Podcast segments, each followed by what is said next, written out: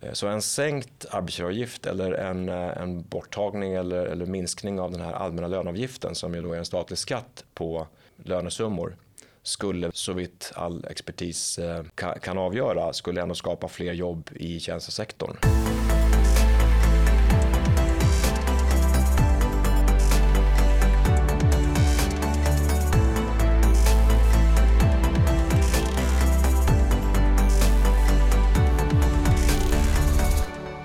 Anders Broström är docent vid KTH och VD för Entreprenörskapsforum. Idag har jag bjudit in Anders för att diskutera entreprenörsskatter och andra entreprenörsfrågor. Varmt välkommen till Skattebetalarnas podcast Uppskattat.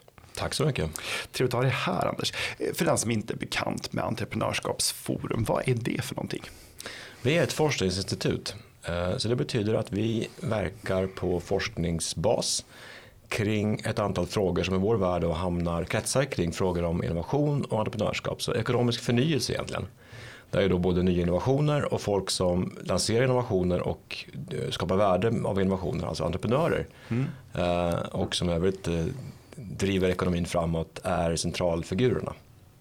Så vår uppgift är att slå vakt om de perspektiven i svensk debatt och kring svensk policy. Så vi är ett forskningsinstitut, vilket betyder alltså att vi har liksom kontakt med forskningen. Men vi har det med riktning mot eh, svensk policy och, och svensk debatt. Mm. Vilket då skiljer oss och ger oss en skäl att finnas eh, kan man säga gentemot andra forskningsinstitutioner som, de, som finns inom akademin. Spännande. Och hur finansieras ni? Vi finansieras helt och hållet på våra meriter som räcker till att ge oss förtroende för nya projekt som finansieras i dagsläget ungefär till hälften av statliga aktörer och till andra hälften av privata aktörer. Mm. Och de privata aktörernas finansiering tar sig både form av eh, enskilda personer som stöttar vår verksamhet genom sina egna eh, stiftelser eller, eller, eller egna bolag men också genom internationella forskningsstiftelser. Mm. Och har du, du är docent, har du forskat i entreprenörskap? Är det, det har jag. Ja. Jag är docent i entreprenörskap och innovation just vid KTH. Jag är också i dagsläget aktiv som gästforskare vid Göteborgs universitet. Också ja. där vid avdelningen för entreprenörskap och innovation. Spännande, spännande. Och vad är det som får ditt hjärta att ticka för just entreprenörskap? Varför är det så viktigt? Entreprenörskap är ju det här nya. Ibland är det nya bara nytt, i, nytt på gatan. Den nya restaurangen på den här gatan som har en, mm. en ny vision och en idé om vad man ska erbjuda för typ av meny. Va? Men eh, ibland är det också för världen helt nya saker som ska skapas och erbjudas och eh, realiseras på, på en marknad. Så jag tror att just förnyelsen är ju det intressanta. När man studerar entreprenörskap och innovation så har man liksom direktkontakt med framtiden. Mm genom de här personerna och genom deras eh, gärningar och företag. Och den framtiden, det är ju vår gemensamma framtid. Så villkoren för de verk verksamheterna är också en del av villkoren för vår framtid. Mm. Och, och, vad kan man säga något generellt om vilka, hur, hur får man, hur mår entreprenörer och hur, hur odlas entreprenörskap bäst? Entreprenörskap tror jag odlas väldigt bra av att jag som, när jag som student vid en högskola eller eh, som ny på jobbet möter i min, omkring mig personer som är intresserade av, kan någonting om företagande och entreprenörskap och också själva har erfarenheter. Så jag tror att det här i den allra viktigaste, det är den här självförstärkande. Att eh, ett samhälle där folk eh, ser det som en reell och, och, relevant möjlighet att kliva in och driva ett företag ett tag och sen kanske kliva ut ur det och göra någonting annat eller kliva tillbaka i anställning och så vidare. Så ett sådant samhälle eh, är det också ännu fler som tar sig över den här barriären att se företagarna som en möjlighet bland andra. Mm. Inte för att vi naturligtvis måste ha eh, alltid fler entreprenörer eller fler företagare. Det är inte så att ett samhälle där alla entreprenörer är det bästa samhället.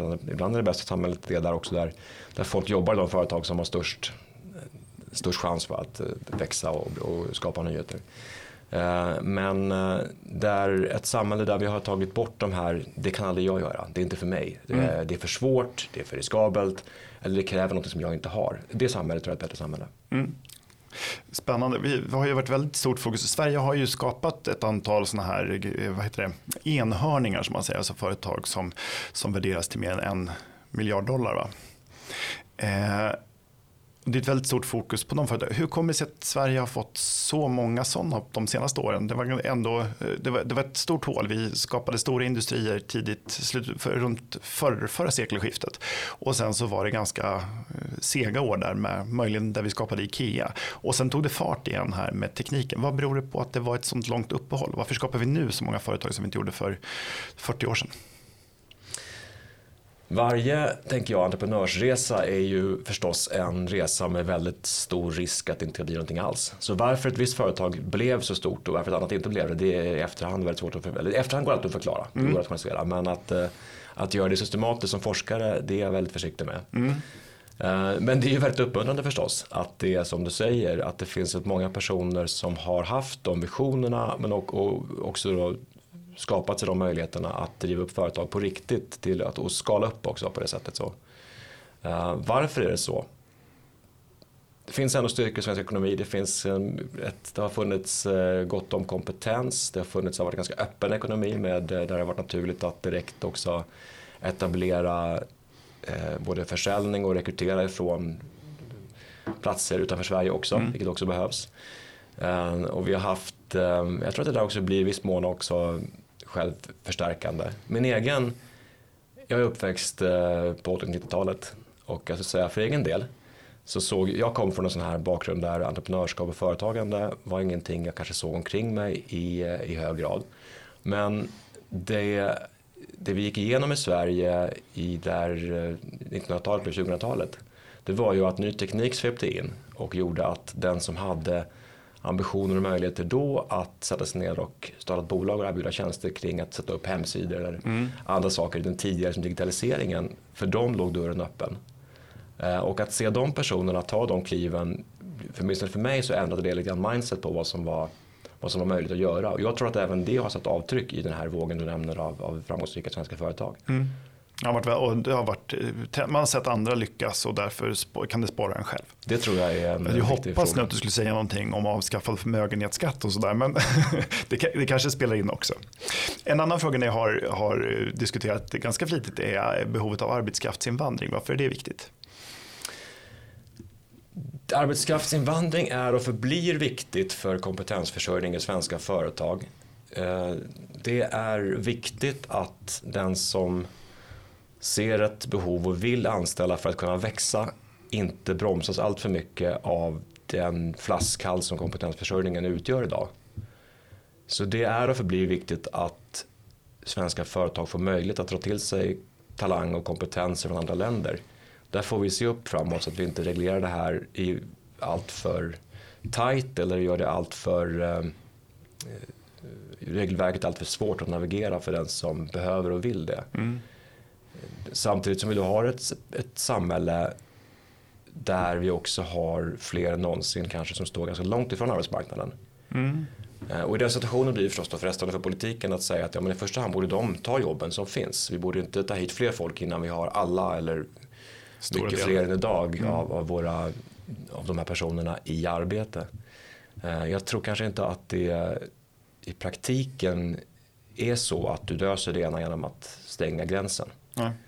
Eh, det kan på marginalen kanske göra saker och ting annorlunda någonstans. Men jag tror vi behöver eh, ha den, det flödet av kompetens ganska öppet även framöver. Vi måste hålla de här sakerna isär med att, vi, att, att gränserna kan regleras på olika sätt för olika typer av, av personer. Mm, just det, den med oerhört svag utbildningsbakgrund kommer ju inte få jobb som IT-tekniker om man, om man inte ens behärskar svenska språket till exempel. Så är det kanske, eller ja, det är kanske inte nödvändigt för att vara just tekniker, men, men om man har eh, till exempel är, är eller i närheten av att vara analfabet så kanske man inte blir eh, liksom forskare.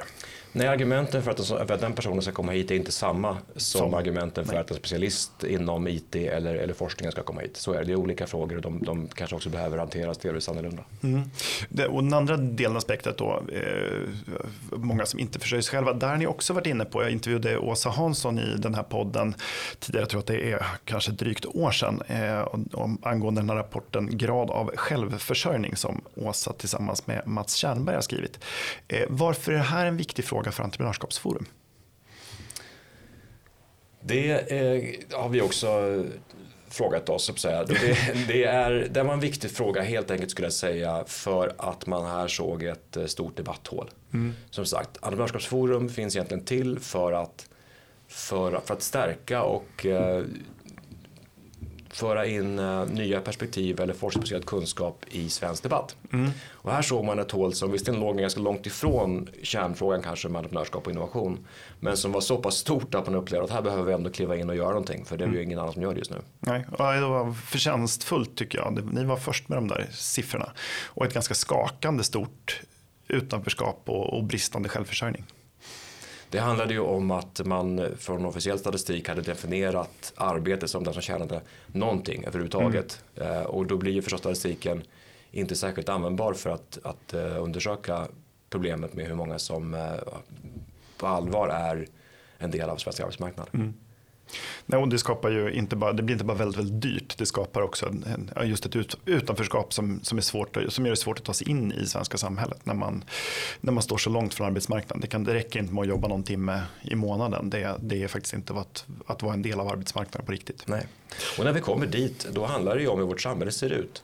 Mm. Eh, och när vi då får ett samhälle som, som knakar ganska rejält i fogarna på olika sätt, då påverkar det förstås också på allvar förutsättningarna för, även för då entreprenörskap och innovation. Mm.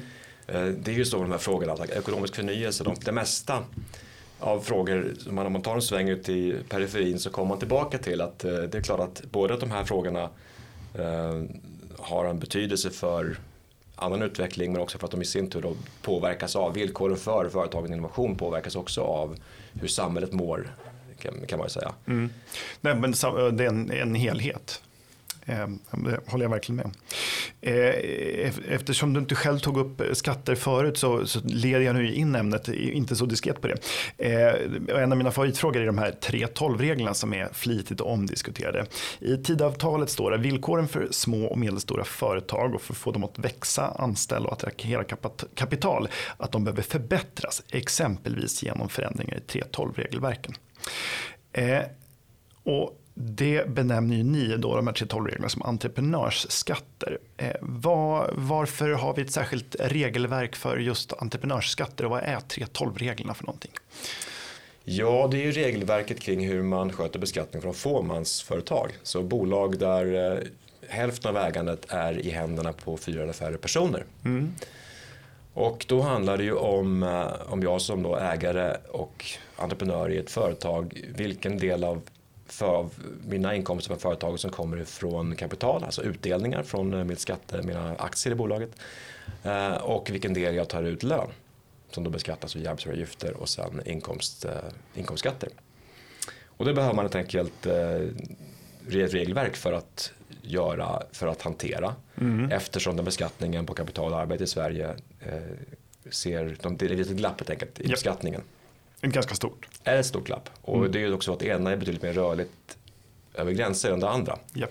Där kapital flyter fram och tillbaka rätt så kvickt och, och arbete ändå också flyter för all del men inte fullt lika snabbt och, och eh, smidigt om man säger så. Eller lika. Eh, och i, i, I sak då så är det så att man beskattar arbete i Sverige extremt högt, ganska höga framförallt marginalskatter och kapitalvinster beskattar man lite lägre. Eh, finns det en poäng att man gör så? Som sagt kapitalskatterna, när man utformar dem får man ta hänsyn till hur kapitalskatterna ser ut i andra delar av världen. Just eftersom kapital är ganska lättrörligt. Eh, och eh, det får man nog leva med. Det finns ju förstås eh, en diskussion om skatteparadis och allt sånt som har att göra med just kapitalskatterna och bolagsskatterna också för den delen. Men det kan man inte från svensk sida ensidigt sätta sig ner och, och råda över. Utan då måste svenska, svensk beskattning och svenska skatteregler måste förhålla sig till den omvärld som våra företag och våra individer också lever i.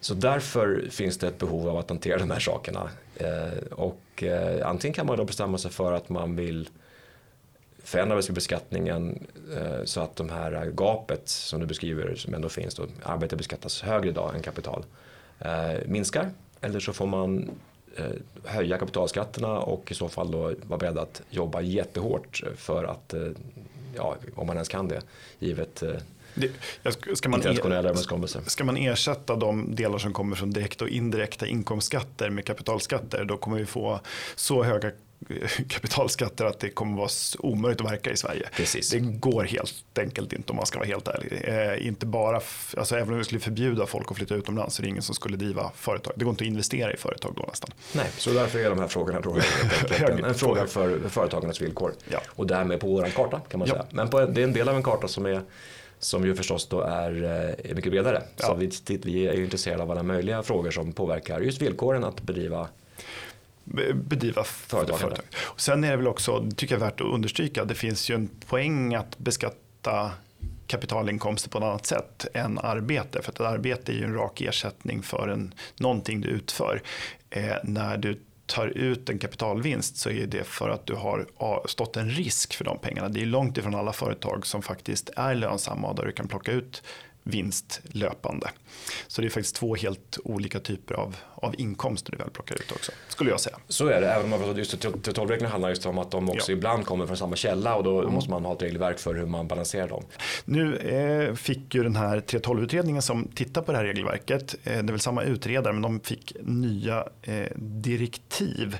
Eh, och där så när Elisabeth Svantesson eh, som är finansminister pratade om det här så pratade hon just om att det inte ska vara några försämringar av villkoren för den som är företagare. Är det här någonting som du tror är bra då för, för entreprenörskapet i Sverige?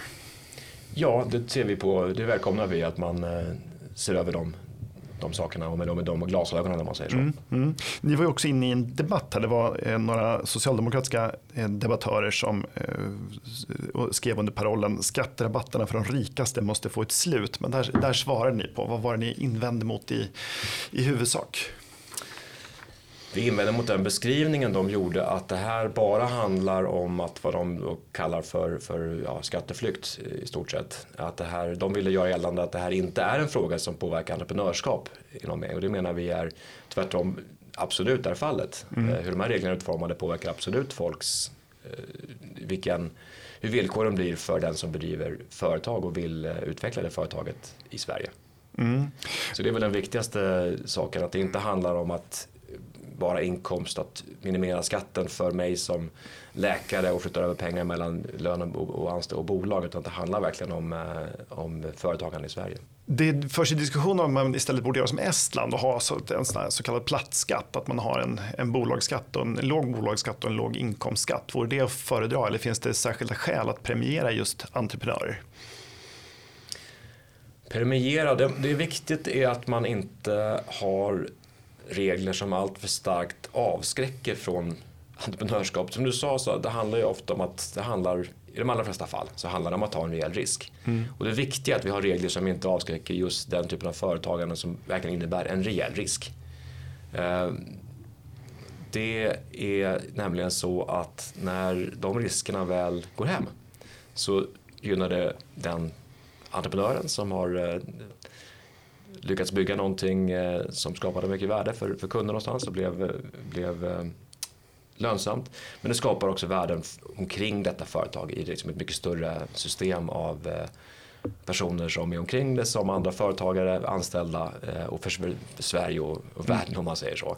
Så det är, det är förstås en del av våran kärn budskap att det här måste vi hålla, hålla blicken på. Just det, för du, du, skapar, ja, precis, du skapar ett värde för dig själv men också för de du anställer, de du handlar av. Eh, och dessutom, så är det, nu kommer jag inte ihåg den exakta procentsiffran men jag tror att man brukar säga att entreprenörer får ta del av ungefär det är några procent av det värde de skapar i samhället. Alltså gör en ny mycket mer effektiv produkt så kanske du blir ja, förvisso rik som ett troll men den samhällsnytta en sån här vara gör är så otroligt mycket större än de pengar som du själv kammar hem. Ja och när vi argumenterar så då skiljer vi lite grann mellan entreprenörskap just som kopplat just till innovation egentligen. Mm. För när, när det är där när man verkligen intresserar någonting, eh, en typ av nyhet som gör andra verksamheter mer produktiva. Mm. Då bidrar man precis så till att få enorma vad vi kallar överspelningseffekter.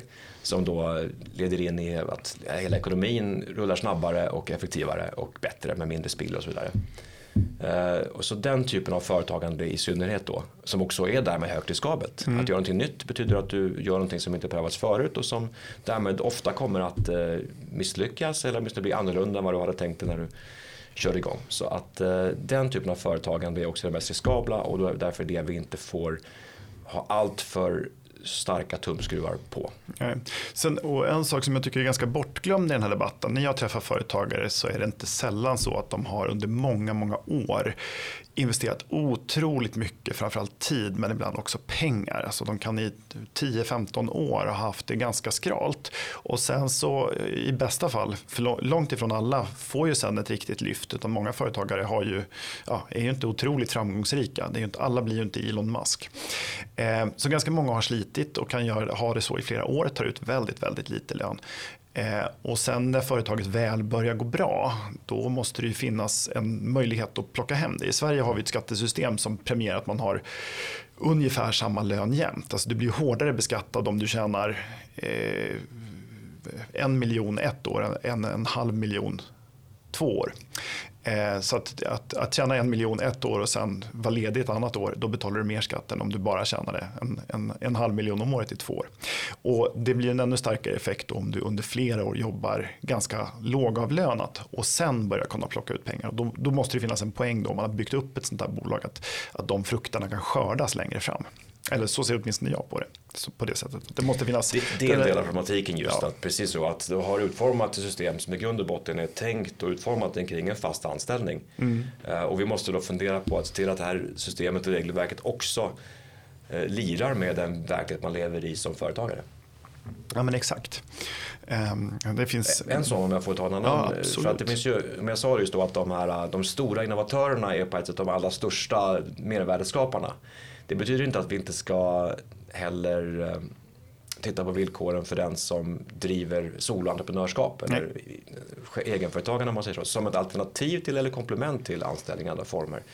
Dagens eh, ekonomi kräver ju ganska många, eller uppmuntrar, eller det, det, är många som vill ha det så idag och det är ganska mycket av eh, jobben som också eh, funkar på ett, på ett sånt sätt. Eh, och det är också viktigt att de villkoren, inklusive trygghetssystemen, är uppdaterade med, med den verkligheten. Vi håller på att titta på just nu på hur egentligen, eh, när vi är på väg in i en lågkonjunktur, hur egentligen utfallet blir vad gäller termer av a-kassa och inkomstförsäkring som ju är viktiga komponenter för den som inte har en, en osäker inkomst. Hur det faller ut för den som just går mellan anställning och eh, soloentreprenörskap. Just det. Där det finns en risk, som det är utformat idag, att den som går ifrån framförallt om man går ifrån anställning till att bedriva företag, kanske för att jag blir arbetslös eller för mm. att jag väljer det helt självmant. Om jag sen ger upp det, om man säger så, det går inte, det går inte ihop sig eller jag, jag, jag av andra skäl eh, istället blir arbetslös. Då beräknas min inkomst till nästan till noll i värsta fall. För att jag har beräknat på eh, inkomster från företagande beräknar man på senaste beskattningsåret. Det. Och det är ofta ganska länge sedan. Mm. Och inkomster från, för, från anställning beräknas på senaste 12 månaderna. Så tillsammans gör det helt enkelt att jag med att ha gjort den här resan på det sättet så har jag gjort mig själv också satt mig utanför dagens trygghetssystem överhuvudtaget. Just det. Vilket förstås är synd om det betyder att jag när jag står där och jag är uppsagd eller eh, blivit av med min fasta anställning vet om det här att ja, men om jag nu tar ett gig eller två som företagare då måste jag då måste det bära hela vägen framåt för gör det inte det har jag också avsagt mig rätten till inkomstförsäkring. Just det. Och då blir den tröskeln väldigt hög och det vill vi förstås inte, vare sig för de personernas skull. Det är ofta mycket bättre att ta ett roligt, eh, ett spännande uppdrag mm. som kan bli något stort men ibland kanske inte blir det. Än att, än att tvingas backa och säga att jag måste trygga min försörjning så jag mm. vill hellre avstå. Just det, vi, vi, vi, vi, vi tvingar folk in i den typen av trygghet. Så blir det ju ja. om, man, om man är informerad. Och bara det faktum att man inte, kanske inte själv eller kan överblicka systemet kan i sig avskräcka från att ta det giget om jag är osäker på konsekvenserna så är det i sig ett, ett problem kan man säga. Mm. Mm. Så de frågorna finns också på, eller bör också finnas på, på kartan. På kartan ja. Vilka andra frågor ser du som särskilt viktiga? Du har varit vd nu sedan i maj förra året. Ja, det stämmer. Ja. Vilka andra frågor ser du framför Vad har ni på, på gång på Entreprenörskapsforum? Vad, är, vad ligger i pipen som du kan berätta om? Om vi börjar i det lilla mm. Eh, så kommer vi som vi har ser fram emot väldigt mycket så har vi på gång en lansering av en ny rapport om svensk reformoförmåga. Mm. Eh, Erlingsson och Berg är rapportförfattare till den. Vi jobbar ofta så att vi, har, vi rycker in experter som vi tycker kan någonting extra bra mm. och engagerar dem för att göra ett, eh, skriva en rapport, ett underlag för debatt eh, och sen är vi arenan där detta förs ut och in, in i våra sammanhang och vi kan också stå för synteser och översikter och så. Mm av syntes och syntes om man säger så. Men i det här fallet så kommer de att uppdatera sin eh, arbete från 2009 där de tittade på Sveriges framgångsrika reformarbete under 90-tal. Eh, och eh, kontrastera med dagens ganska låsta system där, där stora reformer egentligen lyser med sin frånvaro av olika anledningar i, i Sverige. Så det kommer vi vilja lyfta in i debatten. Vad, vad är det som, hur kommer vi ut ur det här läget där vi verkar oförmögna att ta större grepp egentligen i, eh, i Sverige?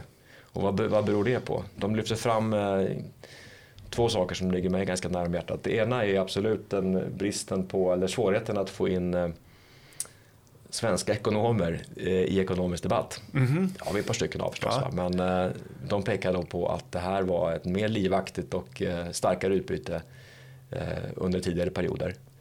Dagens akademiska ekonomer, vi tvingas ju ändå av våra egna incitamentsystem att orientera oss ganska mycket efter amerikanska verkligheter eller helt generella frågor och om vi ger oss in på att debattera svenska frågor så gör vi det med vetskapen om att det här kommer jag inte kunna publicera i en bra tidskrift. Det här blir inte en merit på min forskarlista. Ah, så det och, finns pris, en prislapp på att engagera sig i lokala, eller, ja, lokala frågor? Om man inte då har en färdig professur och en, en bra finansiering för den så finns det en prislapp mm. på att ge sig in i frågor som inte genererar den typen av liksom, inom ekonomklubben uppmärksamhet och, eh, och credit. Mm.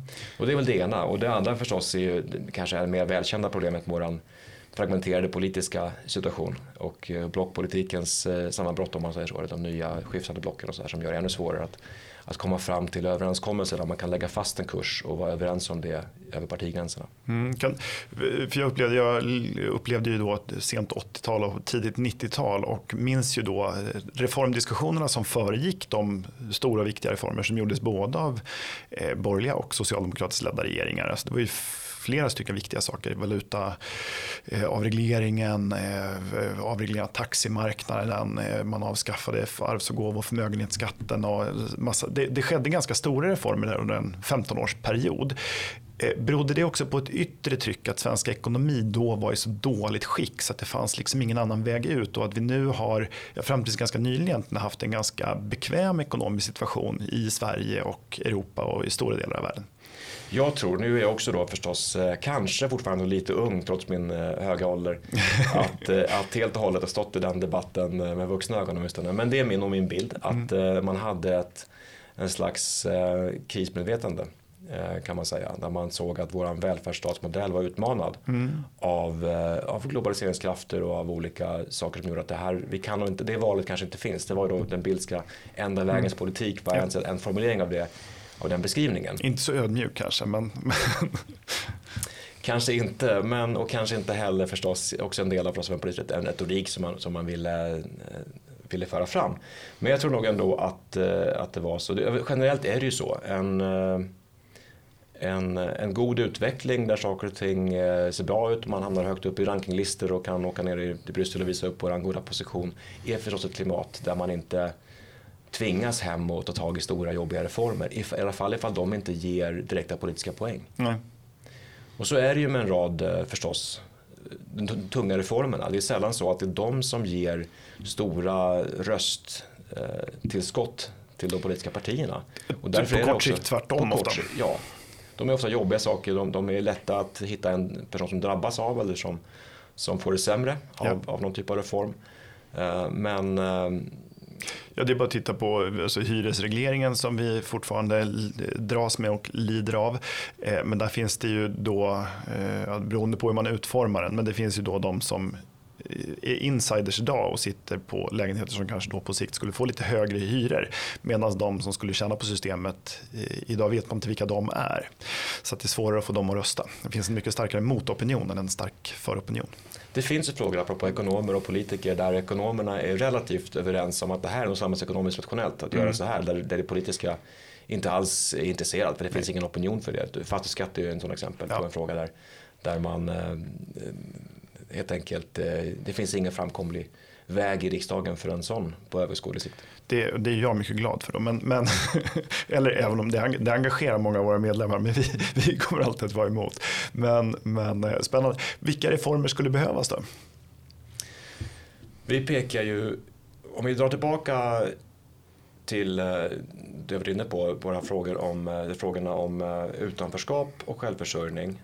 Och om man tittar på vad, vad konjunkturen ser ut och vad vi tror händer så pekar vi nog på arbetsgivaravgiften som en, en sån fråga mm. som politiken kanske borde ägna sig åt en del men där det inte finns några snabba politiska poäng att tjäna. Så det är en sån som behöver drivas på lite grann. Den kostnaden för att anställa påverkar förstås hur företagen beter sig.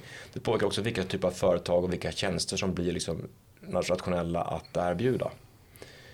Eh, så en sänkt arbetsgivaravgift eller en, eh, en borttagning eller, eller minskning av den här allmänna löneavgiften som mm. är en statlig skatt på lönesummor skulle så vitt all expertis eh, kan avgöra skulle ändå skapa fler jobb i tjänstesektorn mm. i vid mening.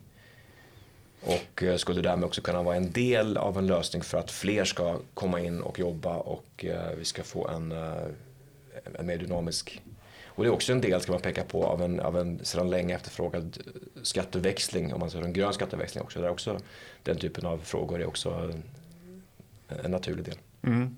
Därför det är på, ovanpå en, en normal lön, tjänar man eh, 30 000 i månaden så är ytterligare lite drygt 10 000 då eh, arbetsgivaravgifter, varav då en tredjedel av de här är den så kallade allmänna löneavgiften och den infördes i samband med EU-inträdet och var då på bara någon enstaka procent och idag ligger den, är den största delen ligger på över 11 procent. Och det är en stor skatteintäkt, jag tror att det är 90 plus miljarder vi pratar ja. om per år ja, ja. från de här 10 procenten av allmänna, allmänna löneavgifterna. Så det är, ingen, det, är en reform som måste då finansieras på något sätt. Delvis tror man att det här är självfinansierande till viss grad, man kan debattera i vilken grad, men inte 100 procent förmodligen. Nej. Eh, men uh, där helt enkelt, ska jag säga varför det då? Jo men det är helt enkelt för att man tror att det skapas, det är billigare att anställa, så fler företag kommer att anställa en eller två personer till. Och de personerna kommer då konsumera och ekonomin snurrar lite snabbare av, av det skälet. Just det. Och det driver då in alla, moms och andra statliga skatter så att det är liksom självfinansierat som man säger så. Men, men inte 100%. Så det krävs ändå en viss politisk eh, kraft där och den så har vi inga signaler på just i dagsläget att, att man har den intentionen. Nej, Nej sen, sen så kan man säga att ett, ett första bra steg som inte kostar särskilt mycket alls det är ju att göra hela arbetsgivaravgiften synlig för den som är anställd. Eh, jag tycker att man borde överföra åtminstone den allmänna löneavgiften till en del av lönen men egentligen hela arbetsgivaravgiften så man ser vad man kostar för en arbetsgivare och vad man därmed måste dra in. Eh, vilka andra eh, viktiga reformer finns då på, på agendan? Ja, den här, vår reform oförmågerapport här, den kommer mm. komma som en del av vår konkurrenskraftsplattform. Så där, mm. Det är en, del av vårt, en viktig del av vårt arbete under detta år och även nästa är att vi eh, studerar, plockar upp frågor som vi tycker är av stor vikt för Sveriges framtida konkurrenskraft. Och eh, där finns det ju då förstås bekantingar som har att göra med kostnader för företagen för energiförsörjning och trygghet för energiförsörjning. Om man inte kan få tillstånd ens för att ansluta sitt nya företag till elnätet om man säger så för att det är så stor kapacitetsbrist då, då är det förstås direkt Det, det är inte gynnsamt för entreprenörskap. Det kan man inte påstå. Du är inte välkommen hit alls då. Du får inte ens eh, börja om man säger så.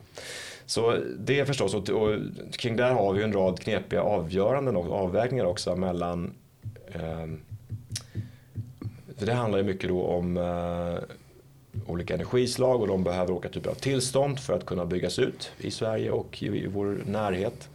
Och där står det ju en rad intressen mot varandra med direkta miljökonsekvenser och saker för den, den plats man vill bygga en ny ja, bygga ut en ny älv vill man då på 70-talet göra mm. och, och, idag handlar det kanske mer om vindkraftsnurror som ska upp på någons eh, favoritutsikt och det handlar om eh, andra typer av, av, lokal påverkan som står då mot en slags nationell eller ännu större behov av, av energiförsörjning. Inte minst kopplat till en, en, ett läge där väldigt många företag och inte minst många företag som drivs av entreprenörskap och innovation eh, är sugna på elektrifiering av transporter och annat. Så man bygger nya, man vill ersätta de gamla fossila systemen med, med nya elektriska transporter och elektriska fordon av olika slag. Och då krävs det förstås ännu mera kraft än vi hade tidigare. Och till dem de kommer förstås de här stora ambitionerna att i Sverige och på andra håll eh, driva fram nya industriprocesser som också då drivs av el och kan bli mera utsläppsneutrala på sikt. Mm.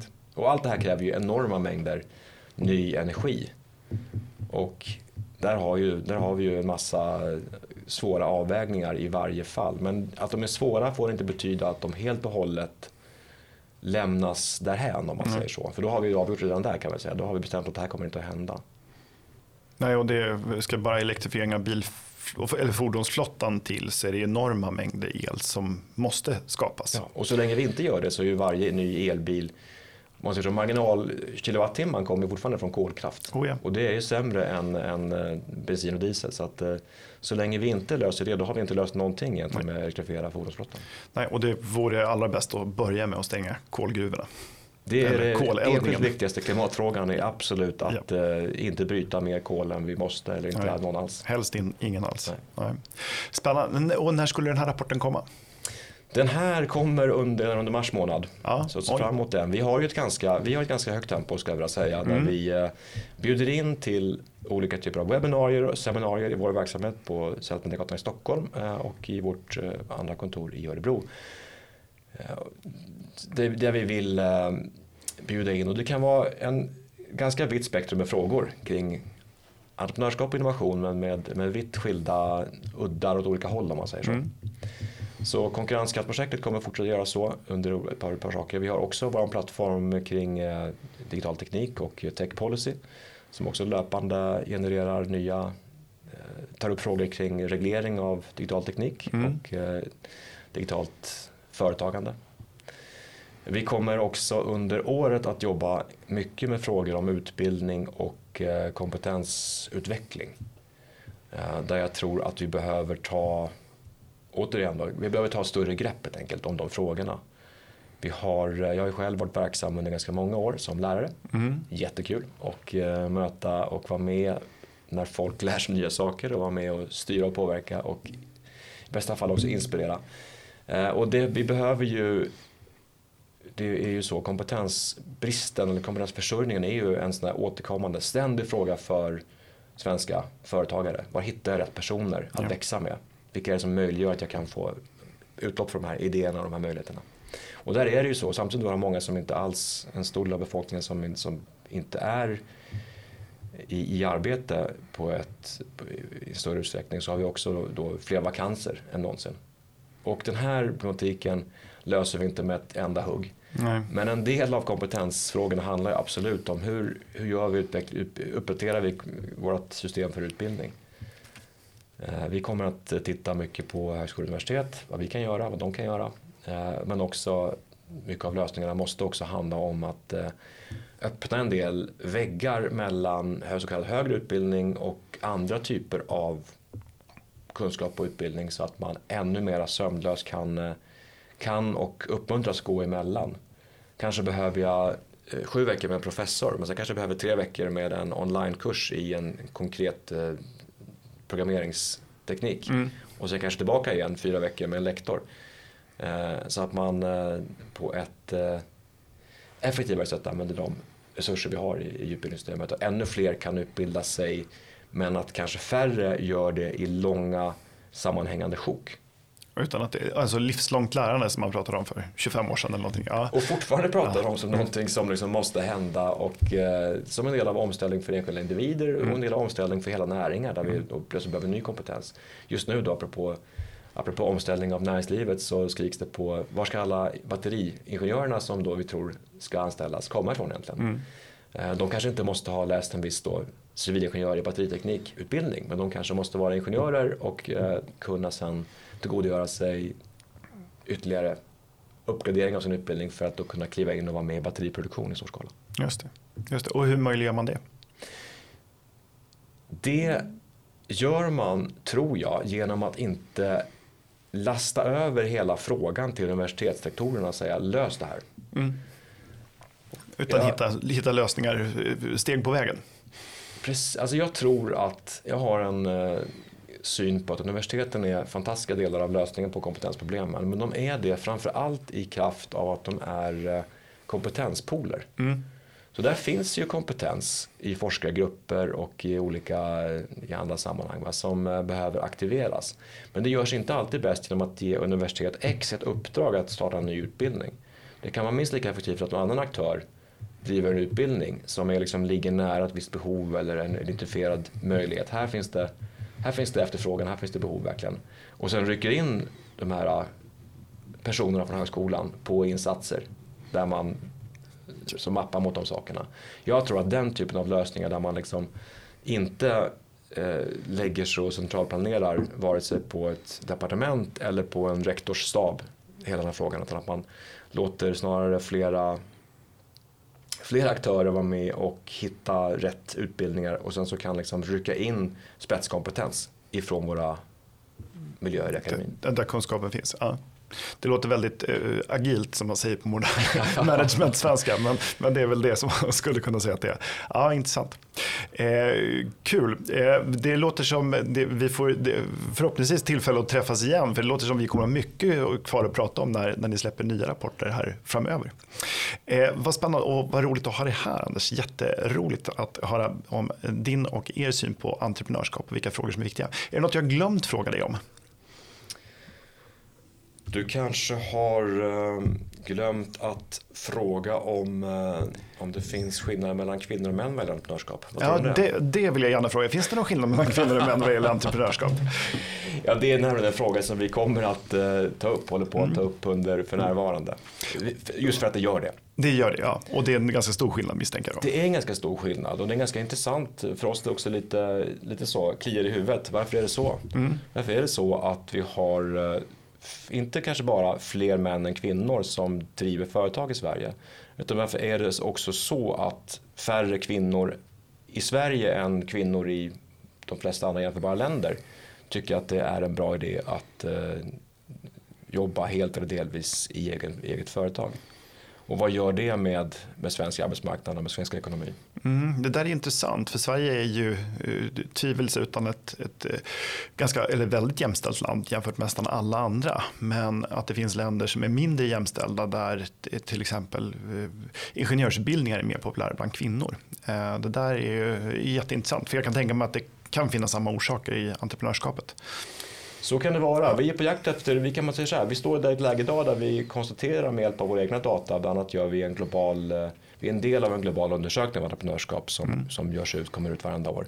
Eh, och där vi under flera år har kunnat konstatera att så här ser det ut. Så nu ska vi också försöka ge oss ut och eh, gräva djupare i i varför egentligen? Hur kan vi förklara det här?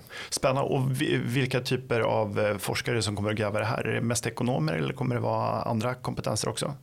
Vi är framförallt ekonomer på mm. Entreprenörskapsforum och eh, vi drar även in ganska många ekonomer i vårt arbete men vi är på inget sätt främmande för att vi drar in expertis från andra discipliner eller, eller, andra områden när, vi, när, när så behövs. Om man säger så. Men ekonomi är, våran, eh, det är vår hemma. Core, core business. Ja. Mm.